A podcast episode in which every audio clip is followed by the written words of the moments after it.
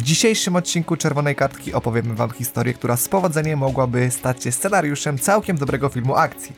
Ta historia jednak wydarzyła się naprawdę. Ameryka Południowa, Kolumbia, lata 90. Zawodnik, który jest podporą narodowej kadry. Mistrzostwa świata i bramka, która kosztowała go życie. Zapraszamy Was na historię, której bohaterem jest Escobar.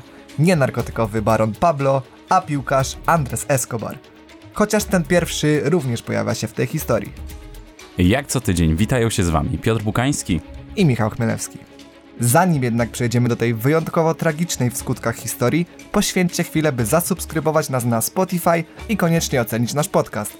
A już teraz przenosimy się za ocean do Ameryki Południowej i zaczynamy podróż przez życie Andresa Escobara. Medellin to drugie pod względem wielkości miasto w Kolumbii, które przez długi czas słynęło przede wszystkim z przemysłu włókienniczego i narkotykowego gangu rywalizującego z Carterem Skali. Jednak pod koniec lat 80. zasłynęło ono przede wszystkim z nazwiska Escobar. Pablo, lider i przywódca grupy przerzucającej kokainę do Stanów Zjednoczonych i Andres, młody, choć niezwykle pewny punkt miejscowego nacjonalu. Andres Escobar urodził się w Medellin w 1967 roku. Nie pochodził z biednej rodziny. Należeli raczej do miejscowej klasy średniej. Ojciec Andrasa był bankierem, ale jak spora część mieszkańców tego kraju po prostu kochał piłkę nożną. Nic więc dziwnego, że już od najmłodszych lat to uczucie zaszczepiał w swoim synu. Pasja Andresa do futbolu szybko przerodziła się w poważne decyzje i dlatego zamiast pójścia na uniwersytet wybrał on karierę sportową. Młody chłopak poszedł w ślady swojego brata i profesjonalną karierę rozpoczął w miejscowym Atletico Nacional. To właśnie w tym zespole, na pozycji obrońcy w latach 1986-89 zanotował 78 występów. Jego znakiem rozpoznawczym na boisku był spokój, zrównoważenie, szacunek do kibiców oraz koszulka. Zawsze z numerem 2 na plecach. Dzięki swojemu zachowaniu Andres Escobar zyskał w Kolumbii przydomek El Caballero del Futbol, co można przetłumaczyć na gentlemana futbolu. Podczas gry w Atletico spotykają się losy dwóch Escobarów. Andresa i Pablo, wielkiego narkotykowego barona. Znany na całym świecie przestępca, również był fanem piłki nożnej, dlatego właśnie w miejscowy klub inwestował naprawdę sporo pieniędzy. W sieci można znaleźć informację, że gdy Pablo Escobar chciał uczynić z piłki swoje własne poletko, wezwał kadrowiczów, by rozegrali w jego posiadłości mecz. Wówczas odmówił mu tylko Andres Escobar. Nie chciał mieć nic wspólnego z narkotykami i nieczystą grą. W 1989 roku drużyna Nacionalu znalazła się w finale Copa Libertadores. Kolumbijczycy zmierzyli się z paragwajskim Olympia Club. Po pierwszym meczu drużyna Andresa Escobara miała dwubramkową stratę. Rewanżowy mecz rozegrano w stolicy Kolumbii, Bogocie. Miejscowy stadion w Medellin nie mógł bowiem pomieścić wymaganej liczby 55 tysięcy kibiców. Kolumbijczykom nie przeszkodziła jednak gra na nie swoim stadionie. Odrobili straty z pierwszego meczu i doprowadzili do rzutów karnych. Andres rozpoczął dobrą serię swojej drużyny. Wówczas niesamowicie rzuty karne bronił także René Higuita, który dziś znany jest przede wszystkim ze swojej szalonej interwencji w stylu Skorpiona. Andres Escobar przez jeden sezon grał także w szwajcarskim klubie BSC Young Boys, ale po trwającej niecały rok przygodzie powrócił do swojego macierzystego zespołu. W międzyczasie rozpoczęła się reprezentacyjna kariera tego zawodnika. W kadrze Kolumbii zadebiutował 30 marca 1988 roku w wygranym 3-0 meczu z Kanadą. Jego pierwszy występ w międzynarodowych rozgrywkach miał miejsce podczas Pucharu Rose w 1988 roku, gdzie strzelił także jedynego gola w swojej karierze reprezentacyjnej w zremisowanym meczu z Anglią 1-1. Mając 22 lata, Escobar rozegrał 4 mecze w Copa America w 1989 roku. W tym samym roku wystąpił także w kwalifikacjach do Mistrzostw Świata. Andres rozegrał wszystkie mecze Pucharu Świata z 1990 roku, a jego zespół dotarł do 1-8 finału, gdzie został wyeliminowany po porażce 2 do 1 z Kamerunem. Escobar został powołany do kadry Copa America w 1991 roku, gdzie zanotował 7 występów. Co prawda nie wziął udziału w żadnym meczu eliminacji do Mistrzostw Świata w 1994 roku, ale został powołany na ten turniej, który okazał się punktem zwrotnym nie tylko jego kariery, ale też życia. Oczekiwania wobec reprezentacji narodowej przed tym turniejem były naprawdę spore. Kibice mieli apetyt na medal. W końcu ich drużyna w kwalifikacjach rozbiła reprezentację Argentyny aż 5 do 0.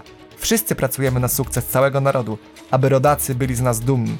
Chcemy pozwolić im zapomnieć o codziennych problemach, o przemocy. Odnajduję motywację w naszej okazji na sukces. Codziennie czytam Biblię, modlę się do zdjęć mojej mamy i narzeczonej. Tak brzmiała wypowiedź Andresa Escobara przed pierwszym spotkaniem na mundialu. Był 22 czerwca 1994 roku. Stadion w Kalifornii gościł prawie 100 tysięcy widzów. Tego dnia Kolumbia grała mecz z gospodarzami Mistrzostw Świata, drużyną Stanów Zjednoczonych. Francisco Maturana miał jednak powody do zmartwienia. Mówiono, że mafia próbowała wpłynąć na skład drużyny. Kiedy weszli na murawę, byli zdeterminowani. Atakowali drużynę USA ze wszystkich stron, ale nie mogli wepchnąć piłki do siatki. W 34 minucie meczu Andres Escobar rzucił się, by zablokować dośrodkowanie Johna Harkesa. Pech chciał, że piłka odbiła się od niego i poleciała w stronę siatki. Przy chwilowej nieuwadze kolumbijskiego bramkarza doszło do samobójczego trafienia. Ostatecznie drużyna Stanów Zjednoczonych wygrała to spotkanie 2 do 1 i był to pierwszy wygrany mecz gospodarzy. Na pożegnanie mundialu drużyna z Ameryki Południowej pokonała Szwajcarię 2 do 0. Ten wynik niemal nikogo nie interesował. Escobar przed kamerami telewizyjnymi przyznał, że jest mu bardzo przykro. Nawet nie z powodu samobójczego gola, ale postawy całej drużyny, która na mundialu nie spełniła oczekiwań kibiców. Po tym niepowodzeniu szybko odzyskał radość z życia i zapomniał o swoich obawach. Oczywiście otrzymywał pogróżki, ale nie zwracał na nie uwagi. Był młody i pełen życia, chciał się nim cieszyć. Nie byłam w stanie tamtej nocy zatrzymać go w domu, wspomina narzeczona piłkarza. Wieczorem 1 lipca 1994 roku Escobar zadzwonił do swoich przyjaciół i udali się do baru w Medellin. Niedługo potem impreza przeniosła się do klubu nocnego El Indio. Około godziny trzeciej w nocy. Andres Escobar był sam na parkingu w swoim samochodzie. Wówczas pojawiło się trzech mężczyzn. Zaczęli się z nim kłócić, a dwóch z nich wyjęło pistolety. Piłkarz został postrzelony aż 6 razy, a według niektórych źródeł aż 12. Doniesienia wspominają także o tym, że zabójca krzyczał gol po każdym oddanym strzale. Escobar został zabrany do szpitala, gdzie 40 minut później zmarł. Motywem zbrodni był odwet za strzelonego gola samobójczego, który ostatecznie zminimalizował szanse reprezentacji Kolumbii na awans do fazy pucharowej Mistrzostw Świata w Stanach Zjednoczonych. Choć również niektórzy doszukują się innych kwestii, także zemsty za stracone pieniądze u bukmacherów. Humberto Castro Muñoz, ochroniarz pracujący dla jednego z karteli narkotykowych, przyznał się do popełnienia tego zabójstwa. Pojawiły się także opinie sugerujące, że jego wyznanie winy było wymuszone. Pomimo wyroku 43 lat więzienia, został on zwolniony już po 11 za dobre zachowanie.